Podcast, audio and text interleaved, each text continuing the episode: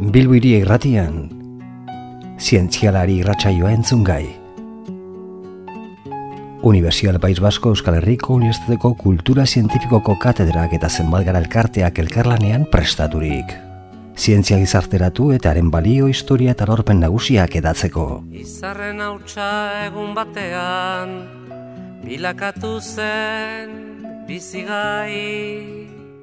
UPV EHUko medikuntza eta odontologia fakultateko irakaslea da Josean Rodríguez. Mila eta amazortzian, Euskal Herriko Unibertsitatean doktore gradua lortu zuen, eta Sydneyko Westmead Institute for Cancer Research delakora joan zen ikertzera. Behedatzi urtez, bueno, egia esan hiru urtez Sydney, eta beste sei urtez Free Universityn, eh, Amsterdamen, minbiziaren transformazioaren inguruko prozesu molekularrak eh, ikertzen aritu zen. Gero, 2006an UPU EHU-ra bueltatu eta minbiziaren prozesu molekularrak aztertzen dituen ikerketa lerro oso bat garatu du Josean Rodríguezek. Burruka hortan bizi da eta hori du bere egia Ekin ta ekin bilatzen ditu Zaiatze hortan ezin gelditu. Egia esan, aski dugu erakunde ofizialek eh, aldian behin e, minbiziaz ateratzen dituzten estatistikei begiratu harin bat, begirada harin bat ematea, ba azken urteotan medikuntzak aurrera paso itzelak eman dituela konturatzeko gaizotasun larri honen sendakuntzari dagokionez. Gaur egun tratamentu berriak eta berrizaleak erabiltzen dira minbiziari aurre egiteko.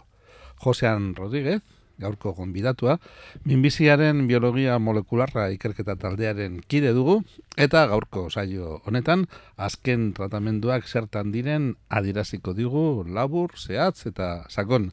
Josean, nenegota bat, eh, kaizo, mila esker, eskerrik asko, gure gana etortzegatik.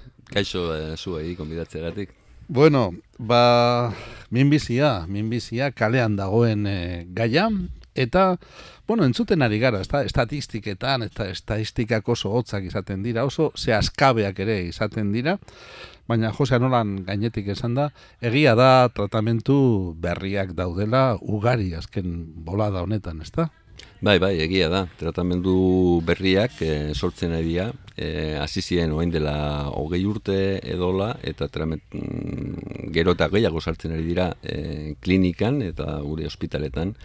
Eta e, lortzen ari da mm, gero eta hobeto pazienteak e, tratatzea eta gero eta, gehiago, eta paziente gehiago sendatzea Mm Beretan posgarria dena eta guazen pixka bat orain hori hori mundu hori mhm. barrutik bai. ezagutzera zure laguntzaz. Eta e, lehenengotan hau da gure lehen biziko galdera, e, Josean. E, zeluletan e, mutazioak sortzen direnean sortzen omen da minbizia. E, badakizue zer dela eta sortzen diren mutazioak zeluletan? Ez dakit ondo esan dudan, eh? baina bai. mutazioak sortzen direlako, sortzen omen dira minbiziak, baina badakigu mutazioiek zer, dire, zer dela eta gertatzen diren? Bai, mutazioak gertatzen dira, eta ondo esan duzu mutazio batzuk sortzen e, sortzen dutela minbizia. Zergatik sortzen dira mutazioak? Pues, e, mutazio batzuk e, ezinbestekoak, ezin, ezin ditugu baztertu, ze gertatzen dira gure zelulek erreplika, erreplikatzen edo mm, bikoizten dutenean bere DNA, bere material genetikoa, e, mekanismoak mm, batzuetan akatzak sortzen ditu. Beraz, esan dezagu, esan dezakegu, mutazioa berezko fenomeno bat da gure gorputzaren barruan dago. Hori da, hori da. Mutazioak gertatzen dira... Mm, beti, etengabe, ez da? Etengabe, etengabe. Justo momentu honetan nire gorputzean gertatzen dira mutazioak, ze nire zelulak e, bikoizten ari dira, eta hori egiteko bere genoma bikoiztu behar dute, eta prozesu horretan mutazioak e, sortzen dira, akatzak sortzen dira. Baina, gertatzen dena da, akatzoiek konpontzeko ere, badaukagu mekanismoak, gure zelulek badaukate mekanismoak, eta mutazio gehienak konpontzen dira. Horretaz aparte... Hau da, bikoizketa barkatu, Jose, Bai. nik pixkat, eh, Bai, bai, bai. ontan eserrez dakidan ez, astiro, astiro behar dut, eta eh, hau da, horiek gertatzen direnean, f- nolabait, bide normal batetik gertatzen badira, ez da ezer ere gertatzen, eta zerbait okerra gertatzen denean, tak, baditugu antidotoak, ez da, Ba- ba- baditugu defensak, ez da? Hori da, hori da. Zuk imaginatu, hau izan daiteke tipex eh, bezalakoa. Zuk Bai. imaginatu kopiatzen ari zerela testu bat eh, Bai. Ba, idazteko makina batean. Eta sartzen duzu akatz bat. Bai, Gero tipex erabiltzen duzu akatz hori konpontzeko. Gure zeluletan gauza antzeko bat gertatzen da. Aha. E, bikoizten den bakoitzean kopiatu behar du genoma eta akatz bat sortzen bada zuzendu behar du. Aha. Baina naiz eta mekanismo horiek eh, normalean ondo funtzionatu batzutan mutazio batzuk gelditzen dira hor. bai, eta hortik sortzen dira gero eh, tumoreak, ez da? Hortik sortzen dira gero tumoreak kasu batzuetan. Mutazio gehienak eh, mutazio gehienak ez dute ezer egiten. Zuk pentsatu gure genoma oso ondia da. Eh, eta eh, gure genomaren bakarrik parte bat eh, kodeat, eh, kodeatzen du proteina. Euneko bat koma bost edo lako zerbait. Hortik kanpo gertatzen dien mutazioak normalean eh, ez dute eraginik. Baina hor barruan sortzen dira Ez dira hain Ez dira importanteak. hain importanteak. Mutazio edo, horiek. edo ez dute bat ere eraginik. Aha, aha. Baina e, proteinak kodeatzen duten partean gertatzen dien mutazioak, hoiek normalean importanteagoak izaten dira. Eta zehazki ez gene guztietan. Baina gene multzo zehatz baten gertatzen baldin badia oso arriskutsuak izan daitezke e, minbiziaren e, minbizi bat sortzeko mm, ikuspuntutik. Zuk imaginatuko badaukagu eun em, hogei mila gene. Hogei mila Hogei mila gene. gene, gure Bai. genoman. Aha. Vale? Hoietako batzuk mm, oso importanteak dira gure zelularen portaera kontrolatzeko. Demagun eh, bosteun edo mila gene. Hogei milatik bosteun Bosteun. dira garrantzi handi handikoak. Hori da, eta deitzen, eh, batzutan deitzen zaie eh, minbizi geneak. Bai. Bai? Orduan, minbizi geneetan gertatzen dien mutazioak, hoiek eh, izaten dira benetazko eh, arriskutsuak. Mhm. Bueno, nolabait horrek ere zientzialarioi nolabait hori parselatzeko, hori mugatzeko aukera ere ematen dizu, ezta? Bosteun noiei begira jarriko zarete, ezta? Ez hogei. Bai, bai, bai, eta e, noski, e, ikerketa gehienak, minbiziaren e, arloko ikerketa gehienak foka, e, fokalizatzen dira justo gene, gene horietan. Eta badaude gene batzuk mm, oso famatuak diena eta e, oso ondo e, aztertuta daudenak. Baina gene asko daude eta lan pilo bat dago hendik egiteko. Egiteko, eta ikertzeko. Bai. Mhm. E, mota askotako, Josean, beste galdera bat kalean dauna. E, mota askotako minbiziak daude dudarik gabe. Bal dago nolabaiteko sailkapenik egiterik edo denak dira berdinak, edo, edo ez gabiltza aizotasun bakarrari buruz hitz egiten ari, edo ez dakite. Hoi da, denak ez dira berdinak, izan ere goin esaten da, minbizi bakoitza mm, berezia da. E, minbizi ezberdinak, minbizi guztiak ezberdinak diela. Baina la ere, e, hori egia da, e, ze tumore bakoitze badauka e, bere ezaugarriak eta bere mutazioak, baina la ere, sailkatu behar dira, alde batetik, e, pazienteak kudeatzeko eta ondo, e, ondo tratatzeko. Eta hori egin da, pues, aspaldidanik, ez, askotan, pues, mm, zailkapen eh, eh, normalena edo lehenengo zailkapena esaten da segun non zertzen dien eh, tumoreak. Adibidez, bularreko minbizia, pues, bularre, bularrean dien, Kolonekoa, kolonekoa, biriketakoa. Eh, hori da biriketakoa eta bar hori da sailkapen bat. Eta gero, eh, ospitaletan eh, medikuek egiten dute beste sailkapen bat, segun eh, nola dagoen aurreratua edo ez eh, tumore bat. Eh, pues izan daiteke eh, tumore eh, sakabanatuta, edo Bai. metastasiekin, edo tumore oraindik sakabanatu gabe, lokalizatuta, Hasierakoa? Hasierakoa, eta horrela, edo ez hain hasia. Hori da, horrela sailkatzen eh, dira. Eta sailkapen eh, horien gainean edo e, alboan, orain jartzen ari da beste sailkapen bat oinarritzen dela e, ezaugarri molak, molekularretan. Orduan, aztertzen dugu tumoreen genoma, eta horrek laguntzen digu tumoreak zailkatzen. Eta batzuetan, gero eta gehiago, e, tumore batzuk tratatzeko momentuan begiratzen da ze mutazioa daukaten eta ez nun sortu diren.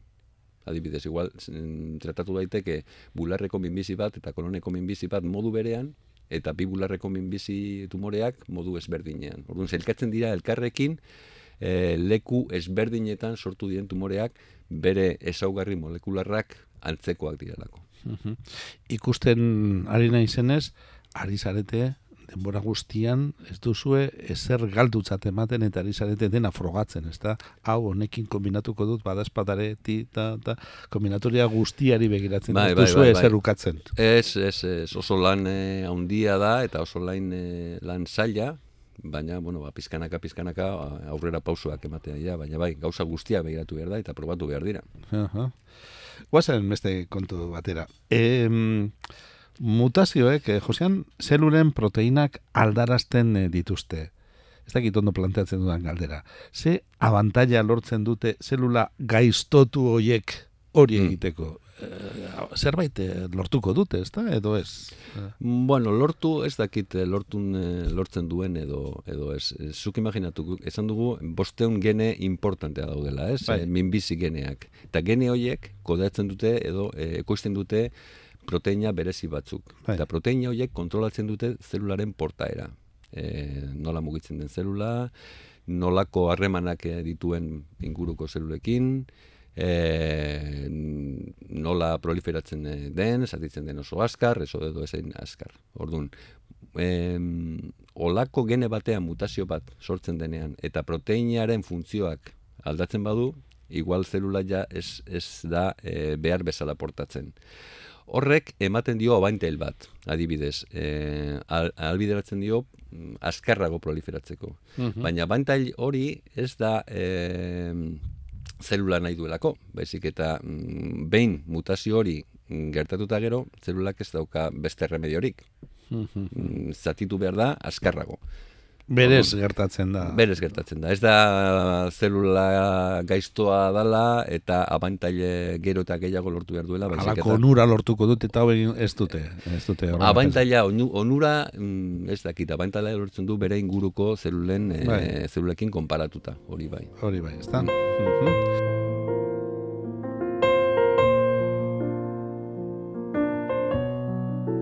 Bueno, beste kontu batera. E, hortik esan liteke minbizia tumoreak, e, tumoreak zelula batek bestekiko abantailak hartzen dituenean garatzen direla? Bai, bai, eske olako da, Hola da, olako da, ezta? sistema da. Izan daiteke, o, ikus daiteke evoluzioa bezala. Ordun gure gorputza da e, ingurua eta hor bizidia zelulak. Bai. Ez, Ordun e, batek lortzen badu abantail bat, besteak baino hobeto e, basatitzen da edo hil behar, hil behar, da, eh, hil behar denean ez da ez da hiltzen eta inguruak hiltzen, ingurukoak hiltzen dira eta mm, evoluzio horren bidez mm, ba, tumoreak sortzen dira. Mhm. Orduan, bai, nola baiteko... Bai, bai, bai, bai, egia da. abantailak dira. Bueno, eh, em, kanpoko faktoretara jo behar dugu orain. Hmm. E, denbora guztian ari gara, minbiziaz ari gara, eta geneak, eta barruko faktoreak, eta gure genomak, eta hau eta beste, baina kanpoko faktore horiek e, zenbateraino dira eraginkorrak e, minbiziari begira. Oso importanteak dira, oso importanteak. Lehen hau esan dut, eh, hori gure zelulak eh, bere genoman, bere genoma duplikatzen dutenean, edo eh, bikusten dutenean, sortzen dira mutazio batzuk, eta horiek eh, denok pairatzen dugu. Baina horren gainean beste faktore batzuk eh, jartzen baditugu, sartzen baditugu, mutazio kopurua eh, haunditu egiten dugu, adibidez. Erretzen badugu, edo eguzki gehiagi eta eh, behar ez den eh, momentuan hartzen badugu, mutazio gero eta gehiago eh, sortzen dira. Orduan, pues, hau loteria bat izango balitz, mm, barruko prozesuen eh, eh, eraginda sortzen dien proteinak eh, mutazio batzuk, horiek izango da, denok daukagun eh, boletoak, ez? Bai. Baina gero, beste batzuk erosten ditugu boletu gehiago. Bai. Eh, erretzen badugu, pues, eh, boleto gehiago, eta pues, eh, Eguzkitan ordu da, ematen badu, bolote Boleta gehiago gehiago, erosi du. segun eh, nola Elikagaiak, dugu, bai, Dena bai. koipea baldin bada, eta ari gara... Bai, bai, bai, bai. Hori, hori, hori oso eh, argi dago, aspaldidanik, ja ez da gauza berria, hori jakin da ja aspaldidanik. Eta hori oso importantea da, ze faktore horiek baztertu ditzakegu. Ze Bai. adibidez, e, e, gure zelulak e, bikoizten denean, akatzak, e, sortzen dien akatzak ezin ditugu baztertu. Baina besteak bai, Bai, bai, bai. e, erretzeari e, usten badiogu... Norberaren borondatean dago, ezta? Hori da, norberaren borondatean eh, dago eta eta guk eh, kontrolatzen ditugu. Bueno, ba, hemendik dei zabal bat, ezta? Bai, bai, Lagun bai. arretzaile. Dudarik gabe, dudarik gabe. Diesaiotela tabakoari Mm. lehen bailen, Mm. tabakoari, eta bestelako gai kaltegarriei, ezta? Izan ere, bueno, boleto gehiago Hori da, ez dugu nahi. hori da, bai, bai. Bueno, ba, ederki, guazen beste kontu batekin. Eta, e, nolabait, eh, zure eguneroko lanera etorriko gara, Josean. E, zure eguneroko lan horrek zer ikusi handia duelako ba, tratamentu berriekin, minbiziaren orkako tratamentu berriekin. Zertan dira, gaur egun minbiziaren tratamentu berriak, nola, nola definituko zenituzke, nola antolatu, nola zailkatuko zenituzke tratamentu horiek? Mm, bai, bueno, esan du lehenago, e, mutazio batzuk abantaila ematen e, diotela zelulari. Kasu askotan, mutazio hauek e, alde batetik abantaila eman, baina bestaldetik ere ahultasun bat ematen diote zelulari. Eta gu saiatzen ari gara... Desitxuratu ere egiten dutelako puntu batean, ez da, ja, ez da bera, ez da? Hori da, hori da. Eta ez bakarrik hori baizik eta e, behar dute. Da e, adikzio bat izango balitz bezala. Orduan, zuk imaginatu, mutazio bat e, gertatzen da, eta horren e, e, hori gertatuta gero, proteina batek gehiegi funtzionatzen du. Eta proteina horren efektua da zelula gehiegi proli- proliferatzea. Vale, orduan, zelula hori proliferatzen denean proteina mutatu da behar du. Mm, gu e, gai bagara justo proteina hori blokeatzeko zelularen adikzioa aprobatzatzen, aprobatzatzen dugu eta hiltzen dugu. Ez dakit eh, ulertu duzu. Bai, eh, osea, nolabait tratamentu eh, zuzendu Zuzenduak, baten bidez, ezta? Bai, tratamendu berri hauek zuzentzen dira proteina eh, zehatz baten kontra edo prozesu eh, zehatz baten kontra. Hoi da eh, mota bat. Eta Oso orain, fokalizatu oso egiten da, ezta? fokalizatua, hori. Ah, Eta ah, horrela ere, bastetze e, saiatzen geha e, gutzitzen e, bazterreko efektuak, efektu toksikoak. Ze Hori da. normalean, zelula normalak ez dira hain e, e- ez dute olako e, tratamenduen eragina pairatzen. Ez, Ha, ha, ha. e, eta horregatik efektu, e, bazterreko efektuak gutxiago e, pairatzen ditu pazienteak. mhm. Hori da mota bat, Hori da mota bat, e, deitzen dira terapia zuzenduak eta dira adibidez e, ba, proteina batzuk minbizian mutatuta dauden proteina batzuk blokeatzeko terapiak. Bestaldetik, orain- Blokeatu, nolabait, isolatu egiten dituzue, hor ezta? Eta, bueno, hor gelditzen dira, eta... Ez ez, blokeatu da bere funtzioa Bere eh, funtzio- gelditzea. Bai. Imaginatu proteina bat, e, funtzio bat. E, Bai. Proteina batek funtzio bat bete behar du, enzima bat, mm, Bai. eta blokeatzen badugu bere funtzioa, ordun zelulak e, hiltzen da. Hori da terapia zuzendua. Guk eh, asmatu behar dugu edo diseinatu behar dugu farmako bat justo proteina hori blokeatzeko eta hori ez da ez da bat ere erraza, Aha. baina eh, kasu batzuk ere mm, badaude eta batzuk oso ondo funtzionatzen dute em, ba, klinikan eta ospitaletan. Mhm. Eta gero bestaldetik badago beste mota bat deitzen dela immunoterapia.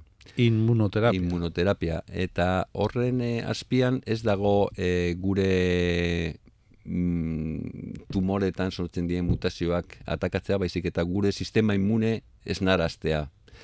Orduan, Gure defentsak, gure defensa eh, sistema aizue. hori da, hori da. eh, arrotz bat dago, arazo bat dago hemen, zertan nahi zaete. Hori da, ze hori da, arazo, arazo larri bat tumoretan, ze gure, gure zelulak dira. Tumore baten eh, zelulak gure, gure zelulak dira. Orduan, sistema immunek ez ditu eh, ezagutzen Despistatu des- egiten da? Hori da, bai, bai, ez, ezagutzen du normalak izango balira bezala, ze eh, ez da bakterio bat, ez da virus bat, orduan ez da arrotza. Gure barruan dago eta gure eh, zelula normalen antzekoa da. Jo, ba, immunoterapia hori teknika zaila izan behar du. Zaila izan behar da, Ze, eh, alde batetik, e, gorputz osoari eragiten dio, ezta? Ze, defensa edo gure immunitate sistema osoari egiten dio gudei, Mhm. eta gero bestalde batetik, imaginatzen dut tumore horiek batzutan nerdi kamuflatuta ere egongo Bai, dira hor, bai, da, bai, eta- bai. Oso, oso zaila izan da ondo garatzeko, ze alde batetik, e, ulertu behar izan dugu nola funtzionatzen duen sistema immunek, eta hori oso komplexua da, eta bestaldetik, ulertu behar izan dugu nola tumoreak izkutatzen dien e, sistema immunetik. Behin hori mm, gutxi gora bera ulertuta, oraindik ez dugu e, osorik ulertzen, Bai. baina ulertzen dugu nahikoa diseinatzeko e, estrategia bat gure sistema immune tumore zelula, zelulak eh, errekonizatzeko errekon, errekonozitzeko berriro.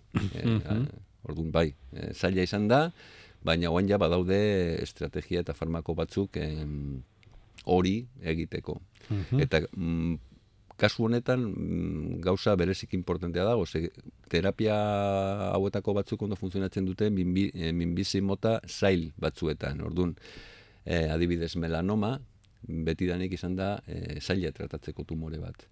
Eta immunoterapiak mm, bereziki Erantzun onak. ondo, bereziki ondo funtzionatzen du eh, melanoma kasu, kasu batzuetan, ez guztietan, baina kasu, ze ongi, kasu eh? batzuetan. Jo, horran Bai. sekurako aurrera pausa da. Bai, bai, bai. eta orduan e, nolabait ikerkuntza hortik eh, joango da, ezta hemendik eh, Bai, bai. hemendik aurrera.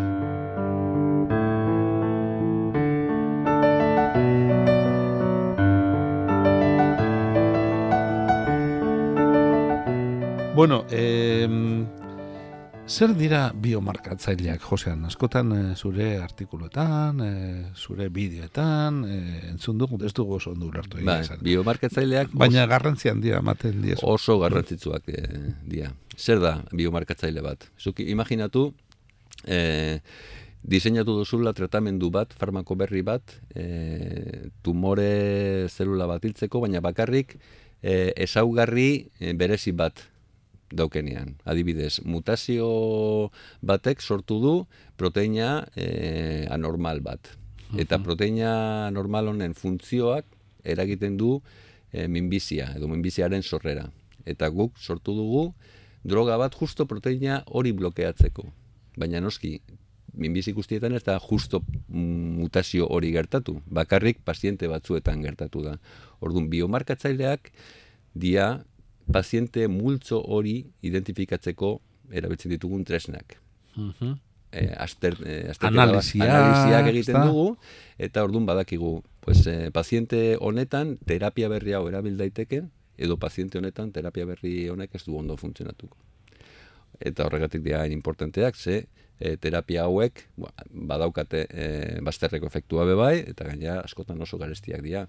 Orduan, mm, modu indiskriminatu baten erabiltzen Ez- badira, ezin ba, dira, ez dira eraginkorrak eta oso garestiak dira? Bakarrik izango dira eraginkorrak paziente multzo batean. Orduan, identifikatu behar ditugu, zeintzu dira paziente horiek, eta terapia egokitu behar dugu, egokitu behar dugu, ba, paziente horiei.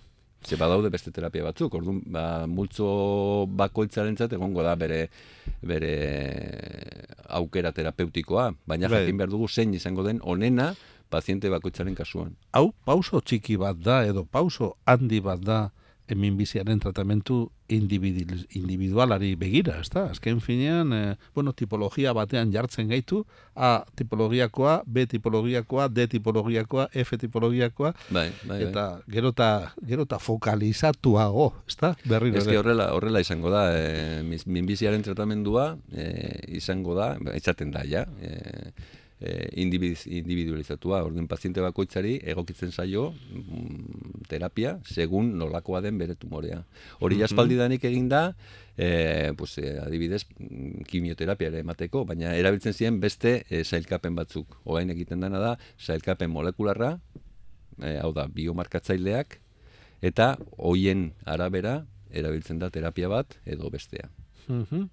Josean, azken galdera denbora aurrera doa, oso gustu ari gara, baina hau galdetu gabe eskara joango. E, zertan dira, bueno, esan tratamentu berriak izan da, minbiziaren tratamentu berriak izan da, gaia oso ongi azaldu duzu, zeintzuk diren, terapia zuzenduak, e, immunoterapia horren ingurukoak, gero pizka bat azken momentuan aipatu diguzun beste sistema hori, e, gero eta individualizatuago, gero eta fokalizatuago, baina zeintzu dira oraingoz zientziak dituen erronkak eta uf, eta momentuz konpondu ez dituenak eta baina ikusten duzuela urrengo pausa hortik etorriko dela. Bueno, nire ikuspuntutik erronka larriena e, izango da erresistentziaren kontra borroka.